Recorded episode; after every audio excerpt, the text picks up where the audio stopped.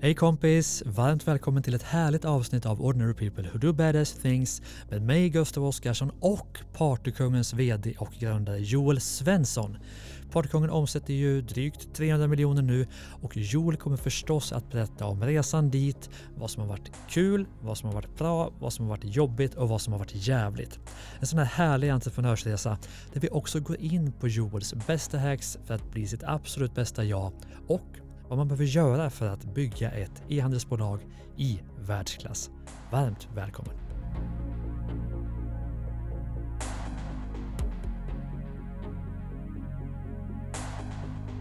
Varmt välkommen till Ordinary People Who Do Badass Things, Joel Svensson. Tack så mycket. Läget? Ja men det är bra. Ja. Solen skiner och eh, det är snart helg. Ja, jag tänkte kolla vilken dag det var i mitt huvud och det är torsdag. Ja, jag funderar också om det är onsdag Ja. eller torsdag eller fredag. Ja, torsdag. Du är ju mest känd för att ha grundat Partykungen. Ja. Ska vi liksom börja där någonstans och så kan vi gå mer in på dig som person för det är det jag tycker är spännande egentligen, liksom vad som är dina, dina drivkrafter och sådär. Men i och med att alla kanske inte känner dig så väl som jag förhoppningsvis gör nu efter en timme. Mm. Ska vi börja i varför du startade Partykungen? Mm. Det är en bra idé, jag funderar många gånger efteråt också. Men jag tror det var en kombination av att eh, eh, jag gillar fest, Mm. tycker det är kul att klä ut mig. Eh, maskerad är fortfarande en, eh, det, är ingenting, det är inte så att jag håller på med rollspel dagligen men det är jävligt kul med, med maskerad. Temafester, den åldern också när, jag- tw- 12 år sedan nu när jag, när jag startade PK så Hur gammal var du då? jag var 23 bast tror jag. Ja. Eh, så det, var, det är en perfekt sån festålder. Man var ju på, vi kallar det för klubb Joel hemma hos mig. Var, varje torsdag så var det fest hos mig och sen gick vi ut på, på krogen och så var det alltid lite olika teman och sådär. Så jag tror det var liksom var, satt sig ganska nära i vad- vad man var i livet. Mm. Och det är ju, alltså många har ju idéer och många har olika teman i livet. Men, men hur gick det från att vara en idé till att bli ett riktigt företag? Ja, jag tror att från början var nog idén bara att eh, det vore jävligt kul att hålla på med e-handel. Sen Mm. visste jag inte riktigt vad jag, skulle, vad, vad jag skulle hålla på med, vad vi skulle sälja. Om det var att det landade just i, i party och maskerad var med en slump. Mm. Um, men e-handel som, som sätt att eh, både handla och, och jobba med har jag alltid tyckt var intressant. Mm. Innan jag startade Partykungen så jobbade jag tillsammans med en annan i ett annat företag där vi hjälpte andra företag att eh, få in kunder till deras e-handel. Så jag kunde ju liksom själva marknadsföringsdelen. Mm. E-handel var ju inte så oerhört stort då. Nej, precis. 2009, det var, då, det var då det började komma igång lite grann. Ja. Eh, det fanns en del, men, men det fanns ingen som gjorde eh, party och maskerad bra på den tiden. Nej. Men vad kom du från innan dess då? Jag menar, det känns som att du var väldigt inne i det digitala. Vad hade du gjort innan du startade Partykungen? Nej men exakt, jag, tror jag fick min första dator när jag var 13 år tror jag. Eh, strax före Windows 95 kommer jag ihåg. Så det var ju verkligen back in the days innan Mm. internet och allt det där. Eh, alltid tyckt om att eh, jobba med datorn som ett redskap. Jag kommer mina kompisar spela mycket, grann, mycket medan jag mer utvecklade olika appar och, och program och sådär. Tyckte Mm. om eh, när, när man kunde göra sin första hemsida så var där ganska tidigt. Och sådär. Mm. Eh, så datorn som redskap och som en digital plattform har funnits i mitt liv ända sedan jag var liten. Eh, och sen har väl det intresset följt med och, och eh, när e-handeln kom så såg jag väl en- möjlighet där också att tjäna pengar via att sälja saker via internet. Mm. Men hade du startat något annat digitalt bolag innan?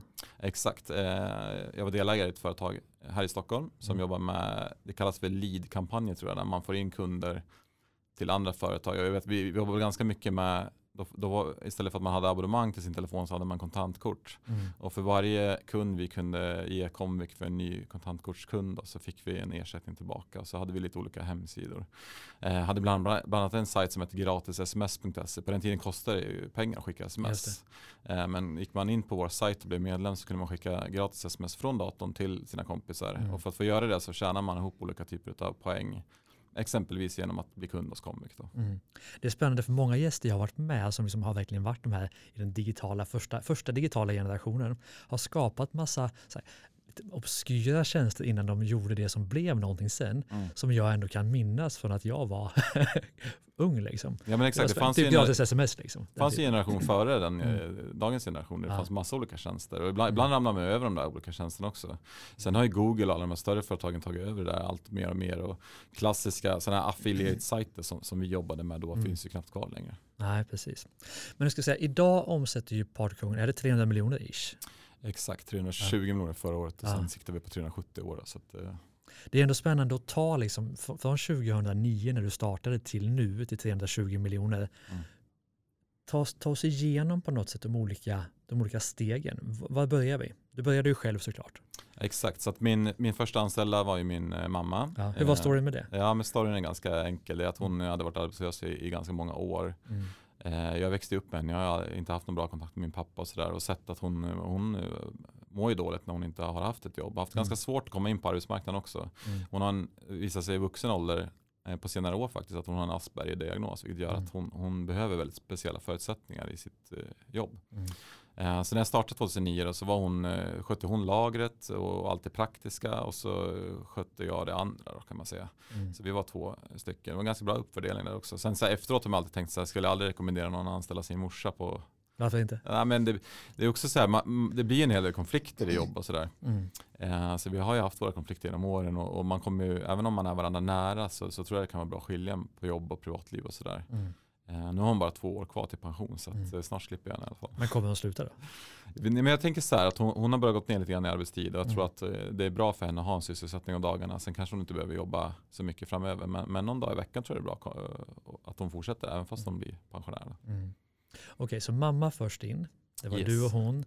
Hur, hur lång tid tog det innan det blev någonting av det, innan ni fick upp en rimlig omsättning så du kunde leva på det? Nej men exakt, så jag sålde mitt, mina aktier i det här företaget som jag hade tidigare. Fick ett par hundratusen kronor som jag kunde investera. Framförallt i lager i Partykungen. Det, det är det mm. e-handel handlar om. att Man måste bygga ett lager som man sen säljer till kund och sen ja, det är som en stor snurra bara. Det blir större och större det här lagret. Mm. Så att mina första pengar tog jag till att investera i lager. Eh, första året gick det ganska långsamt. Vi var ju, hade ju i princip bara maskerad och lite party. Det var en ganska smalt sortiment. Mm. Eh, jag tror att vi efter 8-10 månader kändes det som att det, det händer ingenting. Jag kommer inte, kommer inte lyfta, vi, eh, det kommer gå åt helvete. Lite så kände man.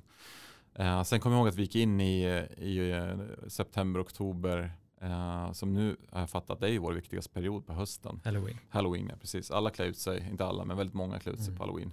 Uh, och fortfarande så, så står ju det för i princip hela vår vinst på året där, sker i, i oktober månad. Mm. Uh, så det var väl då det vände. Vi såg att det fanns en extremt stor efterfrågan på maskerade under oktober. Och, och, den omsättning vi hade då var ju större än, än hela resten av året. Mm. Spännande. Men om, om vi fortsätter då, eh, kanske kan hitta ett antal steg som har varit avgörande för tillväxten. Kan du se tydligt att när vi gjorde det här och det här och det här så tog det fart? Kan du se sådana liksom platåer som ni tog över? Ja men absolut, eh, och det finns flera delar i det här. Mm. Eh, jag tror att om vi bara går tillbaka till pandemiåren som har varit så är det ju många mm. i vår bransch som har haft det ganska tufft för folk mm. har ställt in sina fester, det har inte varit någon bröllop, det har inte varit några konserter. Mm. Medan vi har fortsatt öka, fortsatt öka vår omsättning. Mm. Och det vi har varit bra på ända från dag ett egentligen, det är att följa vad, vad finns det för trender, vad, vad är det våra kunder vill handla av oss.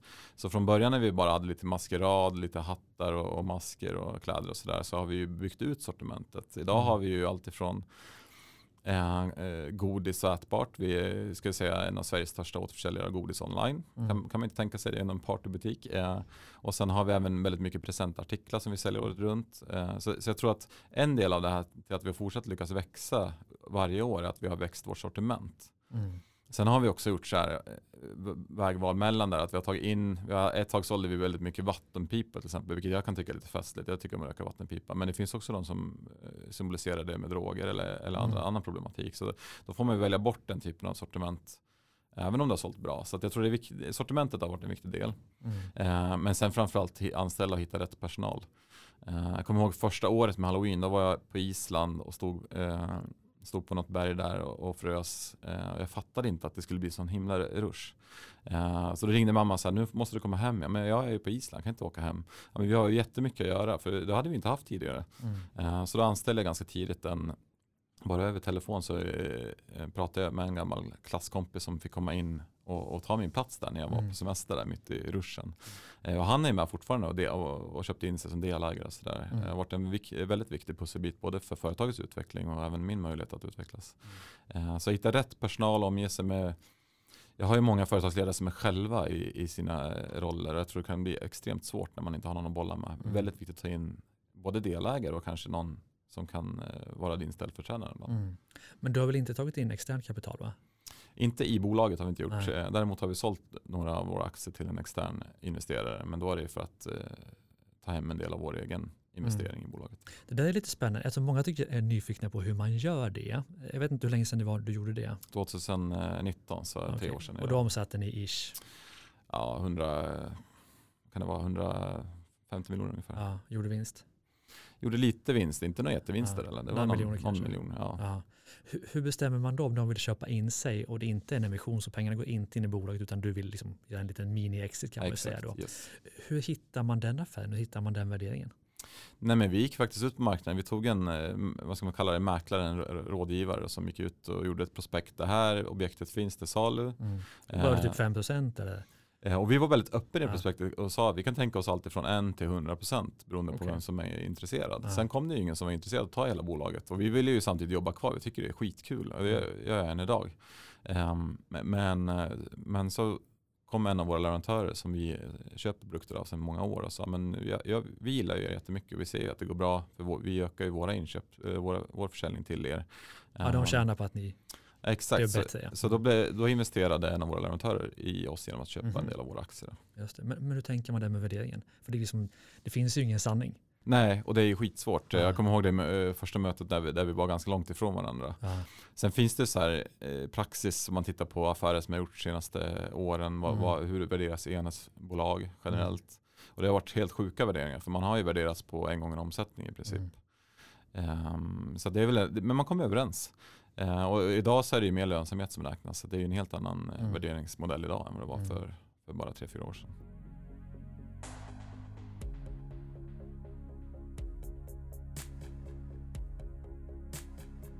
Men har du fler insikter om, för det har ju varit en väldigt spännande tillväxt i bolaget. Har det varit fler saker som, just när vi gjorde det här så stack det iväg? Mm. Nej, men jag tror det är olika typer av marknadsföringsinsatser har varit Mm. väldigt viktiga också. Eh, Exempel. Ja, men så, precis som alla andra jobbar vi med Google så det känns ganska självklart. Mm. Men, men eh, jag kommer också ihåg när vi började, istället för bara lyfta våra produkter i vår marknadsföring så har vi, har vi ju för ett par år sedan börjat lyfta vårt varumärke mer och mer. Mm. Eh, en sån grej kommer jag ihåg när vi, när vi investerade ganska mycket pengar i nationell radio där vi gick ut och, och körde en slinga eh, med bara vårt namn i radio som Mm. blev både viral för folk kunde den, den var så här riktigt tjatig så man, Mm. den satte sig i huvudet. Kan inte sjunga den men jag kan skicka den så får du lägga in den i podden sen.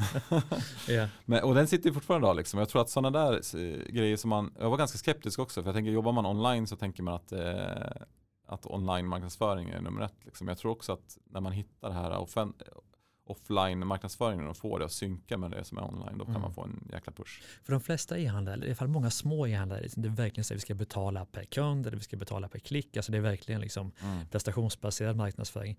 Men glömmer man inte lite bort den här varumärkesbyggande och att den också krävs för att man ska våga köpa, alltså att man känner till partykungen. Jo, men lite så är det, det går ju hand i hand i varandra. Mm. Jag tänker att ska du ha en Google-annons så gäller det ju också att folk när de ser din Google-annons får- känner för dig. Ja. Uh, så jag tror, precis som du säger, många, många tänker kortsiktigt att man vill bara betala för en trafik till sajt som leder till ett köp. Mm. Eh, men du kommer ju aldrig få bra trafik till sajt om du inte också bygger ett varumärke samtidigt. Mm. Eh, och det är svårt där för att du kan ju aldrig mäta vad, vad är ditt varumärke värt. Det är mycket Mm. svårare att mäta än ett klick som du betalar för. Mm. Eh, så det är någonting vi har laborerat med bara senaste året otroligt mycket. Vi, lägger, vi har nu senaste två åren lagt nästan 20 miljoner bara på marknadsföring som inte är tra- trafikdrivande utan Mm. som bygger vårt varumärke istället. Just det. Det är faktiskt intressant. Men jag vet en sak som många frågar mig om när jag har e-handlare med i, i studion. Det är just så här, okej, jag vill veta vad de använder för eh, vad ska man säga, software. Alltså Mm. vad ni använder för, vad bygger ni e-handeln på, vilka system använder ni för inte vet jag, logistik och sådär. Kan, kan du bara dela lite vad, vad ni har valt? Absolut. Och det tror jag också, när vi startade 2009 så, Mm. så fanns det, ju, det fanns några webbshopslösningar men de flesta var ändra, väldigt gamla eller sega Mm. eller inte optimala på något sätt. Så att, eh, min bakgrund, i och med att jag gillade datorer när jag var ung, så lärde jag mig programmera och bygga hemsidor ganska tidigt. Mm. Så att Partykungens första hemsida eh, och hela vårt e-handelssystem eh, st- till stora delar har jag varit med och byggt. Mm. Eh, fördelen är att det finns inte en knapp i vårt system som inte är där för att vi vill ha den där. Mm. Ehm, och när våra konkurrenter gick ner under halloween för att det blev så mycket trafik på en gång så har, så har vår sajt alltid varit eh, uppe för att vi har kunnat byggt den robust och bra. Liksom. Mm. Så det tror jag också har varit en framgång för oss. Så att är egentligen alla våra system skulle jag säga, med undantag för exempelvis kundservice jobbar i ett kundservicesystem. Men, men hela vår webb, eh, hela, hela vår e-handelsplattform, både backend och det kunderna ser i fronten är sånt som vi bygger själva. Mhm. Det är ju väldigt spännande. Det kan ju vara en nackdel, det kan också vara en fördel. Exakt, Ja. och det har varit en fördel i många år. Sen nu tror jag det börjar svikta lite grann. Det börjar komma riktigt bra lösningar. Shopify Mm. är en, WooCommerce är en annan och Mm. Mage- Magento också extremt eh, kraftfullt. Eh, så vi ser ju nu att eh, våran lösning där vi har, vi är ju tre stycken systemutvecklare Mm. nu som bara jobbar med att bygga vår plattform. Men, men det är ju inte alls samma sak som att skulle vi hyra in en lösning som har hundra stycken utvecklare så är det klart Mm. att vi hamnar efter. Mm. Eh, men det finns också många, många fördelar att kunna göra Mm. allting själv. Jo, ni får ju just det ni vill ha också. Ni Exakt. behöver inte anpassa er. Men tänkte du när du startade här 2009 att det skulle bli så här stort? Kunde du Nej, se det framför dig? Men jag ser det fortfarande inte som att det är stort. Jag tycker Nej. vi är ganska små. Allt är ju relativt. Hur många Man- är ni på, på bolaget? Men vi är ungefär 100 personer. Ja. Eh, Det är varav, stort alltså. jo, det är klart. Allt är ju... Fine, inte Microsoft, men jag vet inte vad du har för Nej men exakt, det är väl så man, man tittar på Microsoft Datahall på andra sidan gatan. Nu har ju de färre anställda i sin datahall kanske, men Mm. de är ju extremt stort företag. Mm. Eh, och Amazon är också ännu större. Liksom. Så man, jag är alltid någon så du är nöjd när det är Amazon-nivå liksom? Jag, vet, jag vet inte om man någonsin blir nöjd som entreprenör, eller man Ja. ser väl alltid liksom nästa steg och sådär. Eh, Men, men vad är långsiktiga målet då? Ja, bra fråga. Vårt eh, nuvarande mål 2025 är 500 miljoner. Det hade Mm. känts, eh, det är ett, vårt omsättningsmål. Mm. Eh, sen, sen tror jag, vår, vår, om man tittar på vad vi vill bli så är det väl nog, inte bara Sveriges, för i Sverige är vi marknadsledande i Mm. vår eh, position. Eh, men, eh, vi skulle vilja bli Nordens marknadsledande partner också Mm. för Party. Mm.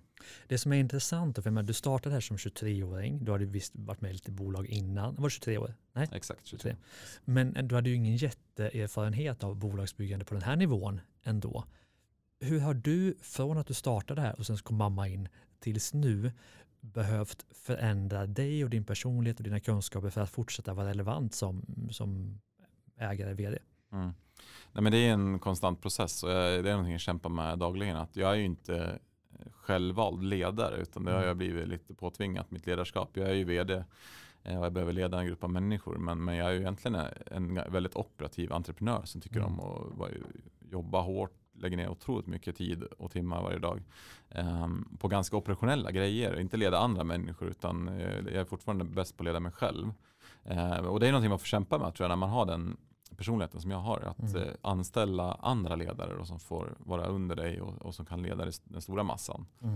Eh, och, så det är också någonting jag har insett att man, man eh, jag har ju fått utveckla mitt ledarskap men jag tror också framförallt hitta andra ledare som är duktiga på sitt ledarskap. Mm. Du måste ju ändå leda dem visserligen. Exakt så Men är de kanske leder sig själva till mångt Ja, men det, och eller? ja, eller både ja och nej. Jag tror att alla behöver ha någon form av ledare. Men är du längst Mm. upp i en organisation så blir du ganska ensam. Mm. Och där, där tror jag att hitta rätt folk som är duktiga både på att leda sig själv men också kanske förstå mig vad jag vill Mm. eh, och ha en bra dialog däremellan så blir det också bra. Men jag tänker ändå att det lär funnits en del konflikter där. Men om inte du gillar att leda och ändå måste leda, Mm. det måste ju ha varit många jobbiga situationer.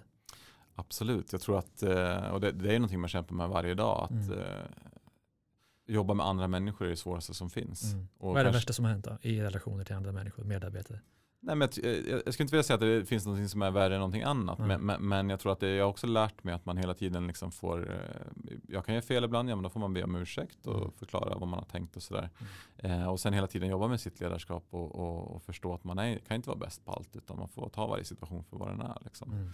Jag tror det kan bli ganska svårt som arbetsgivare när det kommer in någon som är väldigt vi har ju haft eh, väldigt stora diskussioner. Eh, Jag tycker den fackliga organisationen är bra, bra viktig och det är en bra dialog för arbetsgivaren men ibland kan det bli lite vi och dem. Mm. Och, och i, i mitt bolag, eller jag tycker att de flesta bolag, där, där, där vill man ju ändå drivas åt samma håll allihopa. Mm. Det är ju en sån konflikt som är närvarande hela tiden att vi försöker få eh, att alla går åt samma håll och att vi vill inte ha vi och dem. Mm. Och lika när vi, när vi tar in Samhall på lagret till exempel, då är det ett annat företag som de är anställda hos, men vi vill ju att de känns som oss. Mm. Det får inte bli någon vi och dem där heller. Mm. Så det är ju någonting vi jobbar med hela tiden, att inte ha några konflikter i bolaget, utan Mm. att alla ska känna sig välkomna och vi går åt samma håll. Mm. Men vad är det du fattar nu efter 13 år som du inte hade en susning om för 13 år sedan? Jag som tror du att, önskar att du hade vetat då? absolut, jag tror den största insikten där är nog att jag alltid trott att jag kan göra allt bäst. Liksom. Eh, och det låter lite självsäkert kanske, men, men eh, ju mer jag inser att det finns andra människor, eller jag har insett att det finns andra människor som, som kan, gör, gör sitt jobb bättre än vad jag någonsin kommer kunna göra det. Mm. Och hitta de här individerna, anställa dem och få dem med på den här resan, eh, det- önskar jag att vi har gjort ännu tidigare. Mm. Ja, spännande. Men du, ska vi snacka lite om dig som person då? Eh, hur mycket jobbar du? Alldeles för mycket. Ja. Frågar du Nu är jag ju ganska ny, nyseparerad, i alla fall ett år sedan. Ja. Eh, och det är väl delvis för att jag jobbar för mycket. Ja. Eh, och jag tror så här, nu när jag, jag har tre barn också som, som kräver mycket tid och man vill ju vara Mm. närvarande är, med dem när jag har dem varannan vecka och sådär. Det var någon som sa till mig häromdagen, så här, Joel, det, det, du är konstant uppkopplad. Även om inte du har din dator med dig. Så från att du öppnar din dator till att du börjar jobba så tar det ungefär en sekund. Och det innebär väl att jag kan, kanske hela tiden har med mig jobbet. Mm. Även om jag inte alltid sitter med datorn eller praktiskt jobbar. Tror jag min hjärna i alla fall, en stor del av den alltid är uppkopplad. Mm. Det är också någonting jag jobbar med. Jag tror det är bra att man behöver koppla av, man behöver ha semester, man behöver Mm. återhämtning. Så det är ingenting jag skryter om. Jag tycker inte att det är viktigt eller att jag måste jobba hela tiden. Men jag tror också en stor del av vår framgång har varit att jag, är, Mm. jag lägger ner otroligt mycket Mm. tid på Men, men när det har varit som intensivast, vad snackar vi per dag? Liksom? Är det konstant? Från eh, att man går upp till att man går och lägger sig. Ja, Ja. men lite så. Sen, sen hur man gör det, om man, om man liksom rent praktiskt gör ett arbete vid datorn Mm. eller om man Eller bara tänker. Har, tänker. Det, det har ju varit lite Ja. olika. Men det är ändå spännande att gå in då på, du sa att du var ny, nyseparerad med tre barn. Alltså, det är ju någonting som säkert är jävligt jobbigt att prata om, men det kan vara intressant för många tror jag. Alltså, och du säger att det kan hänga ihop med att du har jobbat väldigt mycket. Mm. Är, är det värt det? Alltså det går inte att svara på, men, men så här, kan vi prata om det? Mm, absolut, jag tycker Ja. det, är vikt, det är viktigt att prata om också. Ja. Och jag tror att eh, har man bara med sig den frågan hela tiden så kan man göra rätt beslut längs vägen. Ja. Eh, för mig har det, jag kommer från en ganska fattig familj. Jag var uppväxt med min mamma. Hon, hon hade i perioder inget jobb och sådär. Så Mm. för mig har det varit en klassresa lite grann också. Mm. Att nu jävlar ska vi, mina barn ska få det bättre än vad jag hade när jag var liten. Mm. Sen, sen handlar ju om hur livet är, det är ju såklart inte bara pengar. Men, men det är klart en, för, en bra förutsättning om, om, om du blir framgångsrik. Men jag vill ju inte samtidigt dö, ligga på min dödsbädd och ångra att jag jobb, jobbade för mycket. Liksom. Så Mm. jag tror att ha med sig den frågan hela tiden är viktig Mm. hitta perioder där du inte jobbar, kopplar av, stänger av datorn, kanske inte ens har telefonen med dig. Det är Mm. jätteviktigt. Och när du är med barnen, försöker jag verkligen vara närvarande med barnen och inte ha mina tankar på jobbet. Mm. Men, men det är utmanande som Mm. tusan. Ja, alltså alla relationer är ju utmanande. Men det är Verkligen. klart, jag vet ju själv när jag har i perioder jobbat mycket och framförallt mentalt varit inne i någonting och känt vid exempelvis matbordet att jag är ju inte här. Jag är ju Mm. tanken, jag är frånvarande. Mm. Kan du känna igen det? Absolut. Ja. Eh, jag, hade, jag hade en sån eh, moment häromdagen när min äldsta dotter, hon är nio, Mm. Skickade ett, hon skickade ett sms till mig, pappa lägg ner telefonen. Jag, jag, för att jag hörde inte vad hon sa. Liksom. Men jag fick meddelandet, för jag satt ju med telefonen och gjorde någon, någon jobbmail eller. Ja. Så ja, men då var det en sån moment, vad fan håller du på med? Liksom. Så Mm. att jag tror att eh, det kan bli problematiskt, Ja. verkligen. Men vad gör du åt det? Nej, jag försöker tänka på det, jag försöker Ja. prata, eh, jag pratar med det också, med både barnen och, och med mina vänner om det. Liksom. Mm. Att påminna mig gärna, liksom, tycker att jag svävar iväg eller att jag inte är närvarande. Mm. Eh, men och framförallt själv försöka jobba med det också. Ha Mm. perioder, precis som vi har skärmtid för våra barn, Mm. så jag funderar på om jag kanske ska ha självtid för mig själv. Liksom. Mm. behöver man kanske inte ställa in det fysiskt men, men ändå att ha med sig det att det finns perioder under dagen där du Mm. släpper både jobb och skärm. Just det. Du var också inne på din bakgrund med att du levde upp, eller levde, växte upp under lite knapiga förhållanden och att Mm. pengarna, eller att, att lyckas vara en drivkraft. Kan du se liksom att det har varit huvuddrivkraften att, liksom, att ta dig någonstans eller finns det andra drivkrafter också? Det har nog varit det eh, Mm. från början. Sen har ju det förändrats under åren och Mm. Eh, nu har jag det gott ställt och, och, och jag tänker så här, mina barn, såklart att de ska ha det bra men det är ju inte pengar som gör människor glada. Eh, Mm. det, det är kärlek liksom. Så det är också någonting som har förändrats. Jag skulle säga min drivkraft idag är ju mer att se någonting växa, skapa saker. Mm. Eh, det jag älskar när vi hittar nya funktioner som vi kan göra, skapa på vår sajt. Där man får vara en delaktig i allt från design till, till själva systemutvecklingen och sådär. Det- Mm. Skapandet tror jag är en stor drivkraft för mig. Mm. Och sen se andra människor växa. Anställa, när jag anställde mamma och såg hur bra, hur hon mådde bra av att få ett jobb. Mm. Nu är vi hundra stycken som vi eh, avlönar varje månad som också ska ha ett jobb. Så det, jag tror det finns flera drivkrafter som man drivs av. Mm, intressant.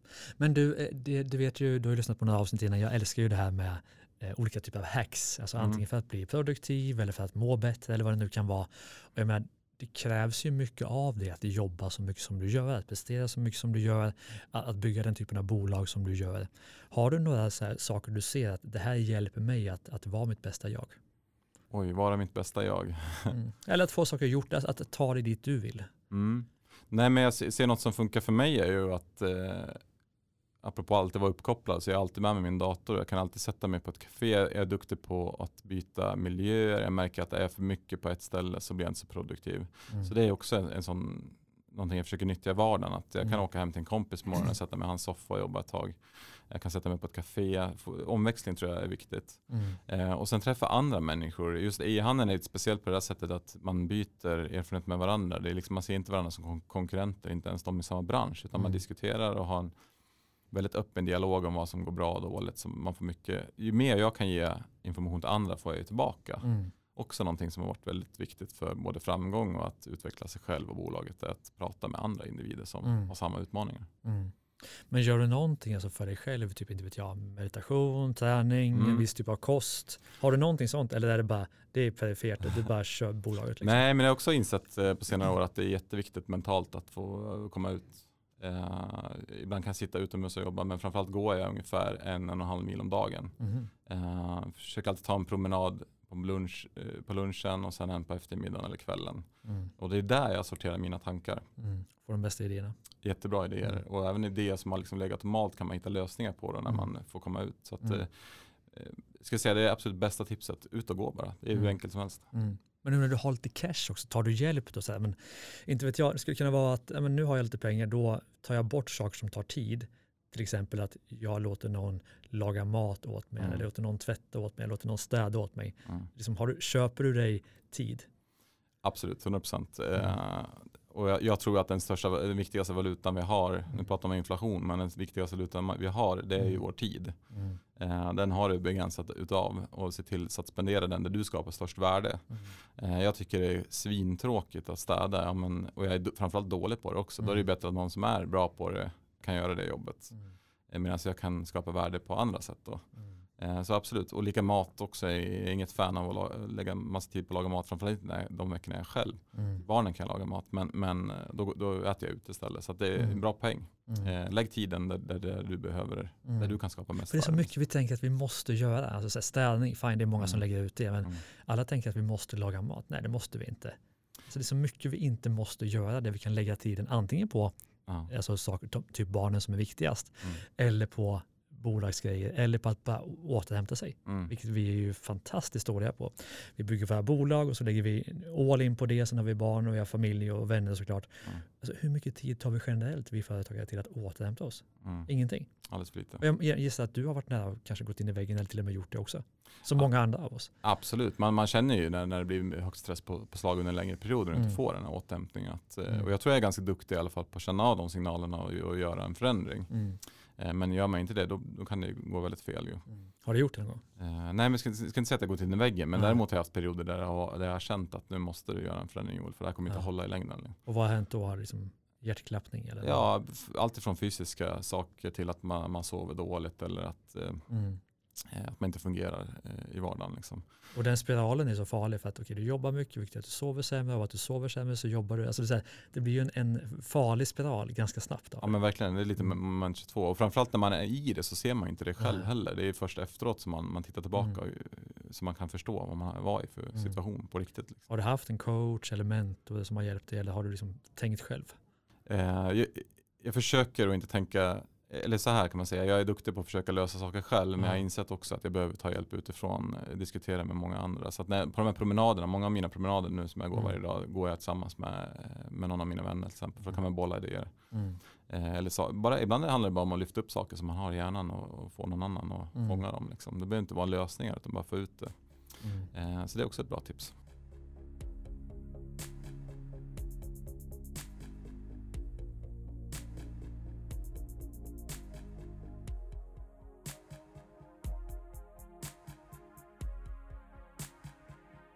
Varför tror du att just du har lyckats bygga Partykungen? Oj. jag tror att eh, flera hade säkert kunnat gjort det också men jag tror att det fin- finns flera delar. Eh, En del är att jag brinner för det vi säljer. Jag tycker det är fortfarande skitkul med fest. Mm. Finns- Fast det gör väl alla som driver företag? Ja, fast det finns ju de som säljer vitvaror. Tycker, jag vet inte om de tycker det är skitkul med kylar och frysar och mikrovågsugnar. Liksom. Men. Men jag köper inte det som hela sanningen. nej, jag tror inte det är hela sanningen. Men jag tror det har varit en del av sanningen. Det hade varit Mm. mycket svårare att lyckas i en bransch där jag själv inte kan associera mig Mm. med. med. Eh, det, men det, och, sen, och sen det som jag pratade om, jag har lagt ner otroligt mycket tid. Hårt Mm. arbete belönar sig. Det, det tror jag verkligen. Alltså, köpa inte heller, det måste finnas med. Alltså, jobba hårt och ha passion, det tycker jag alla gör. Ja, ja men lite så är det ju. Nej, men och sen tror jag också att jag är ganska smart. Liksom. Jag, jag, Mm. jag ser detaljer och, och liksom helheten och, saker som andra inte ser. Apropå det här med att lämna över ansvar till andra som är bättre än dig själv. Mm.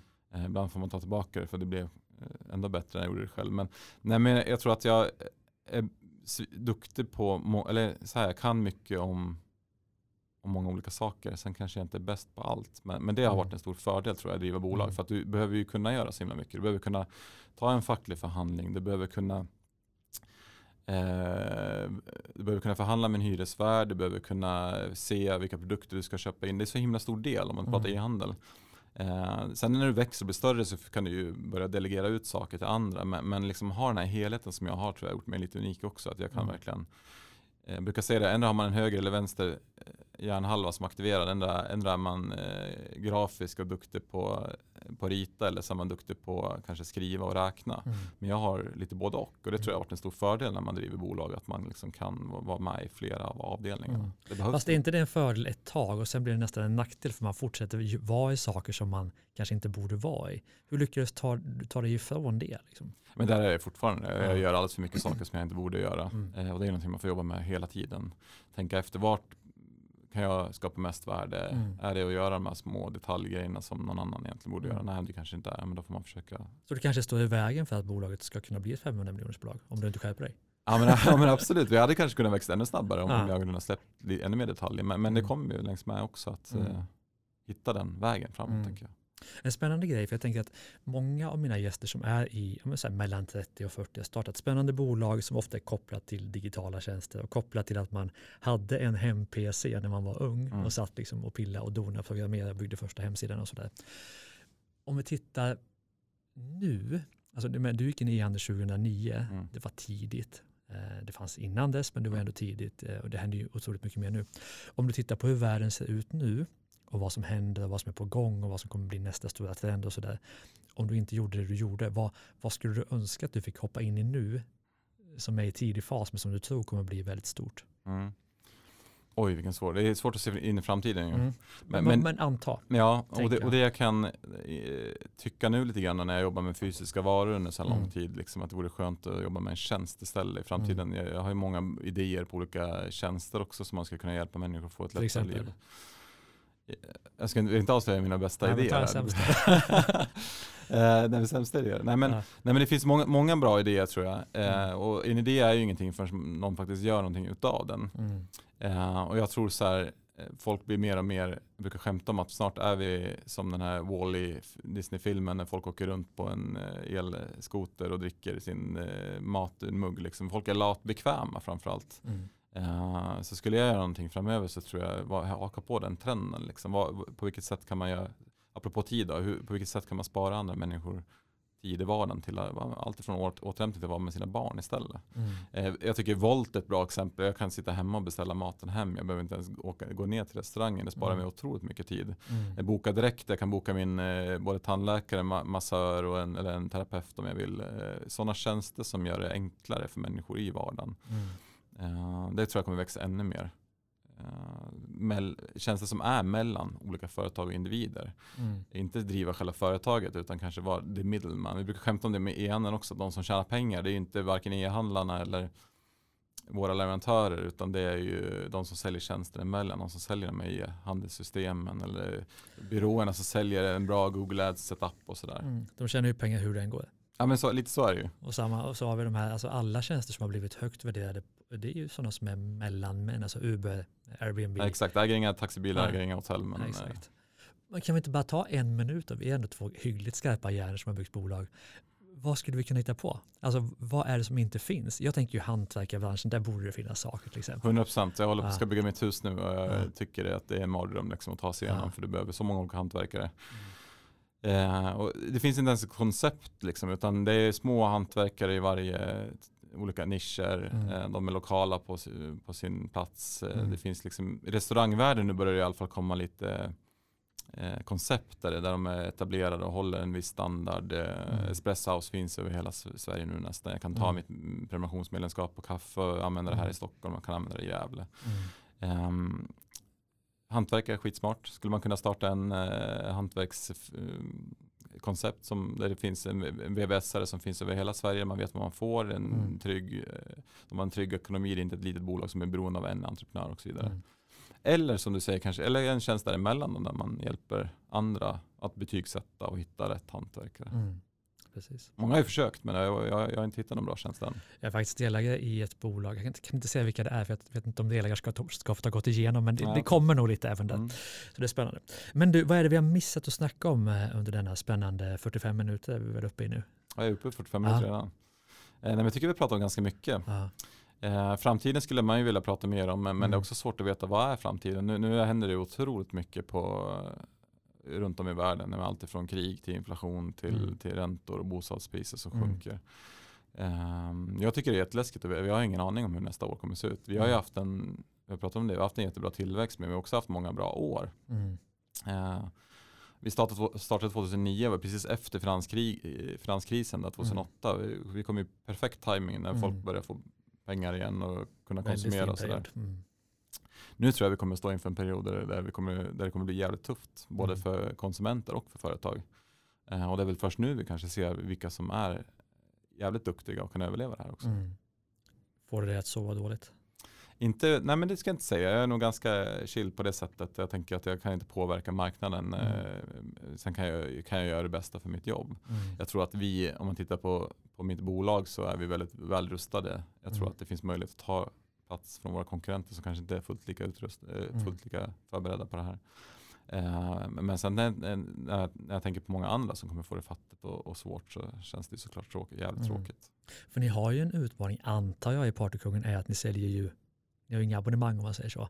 Nej, exakt. Jag vet inte hur många som är återkommande kunder, men man köper ju inte en, en partyhatt fem gånger, utan det är Nej. någon gång. Det är Man förlorar, köps man förlorar en liksom. gång per år och sen Ja. har man kanske ett bröllop eller Mm. eh, i bästa fall Mm. tre under en livstid. Så ni måste ju skapa nya intäkter varje år. Ja, det ligger ju inget, men vi lär ju ni jaga- börjar ju med noll varje år. Vi lär ju jaga kunden varje gång. Liksom. ja. Så, eh, apropå det här med att skulle jag välja ett nytt bolag idag så hade det kanske varit en tjänst, där man prenumererar på någonting.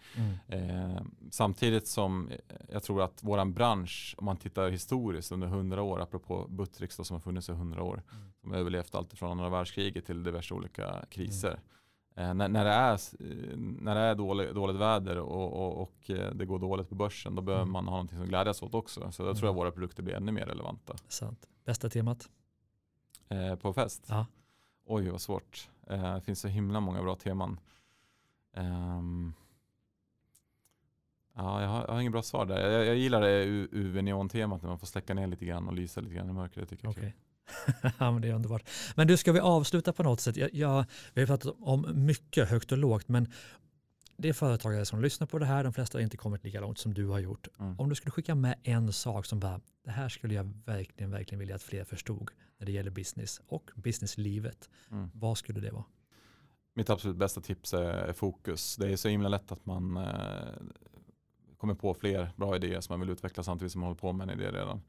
Eh, det är lite grann som arga snickaren kommer hem till någon och så har de börjar med fem olika projekt samtidigt. Det kommer ju inte något av projekten bli bra. Men gör ett projekt och fokusera på det 100%. Eh, jag har försökt sväva och gjort andra projekt vid sidan av PK men insett att det enda som händer är att eh, det blir mindre fokus på det jag borde göra. Eh, så fokusera på en sak åt gången åtminstone. Det, det tror jag är ett bra tips. Underbart. Stort tack Joel för att Tack. du ville vara med. Tack så mycket. Och tack till dig som lyssnar. Du hittar våra poddar som alltid på driva-eget.se och där poddar finns. Glöm inte att signa upp för en prenumeration både på Ordinary People Who Do Badass Things men också på Business X och Starta Eget-podden. Stort tack för idag. Hej då.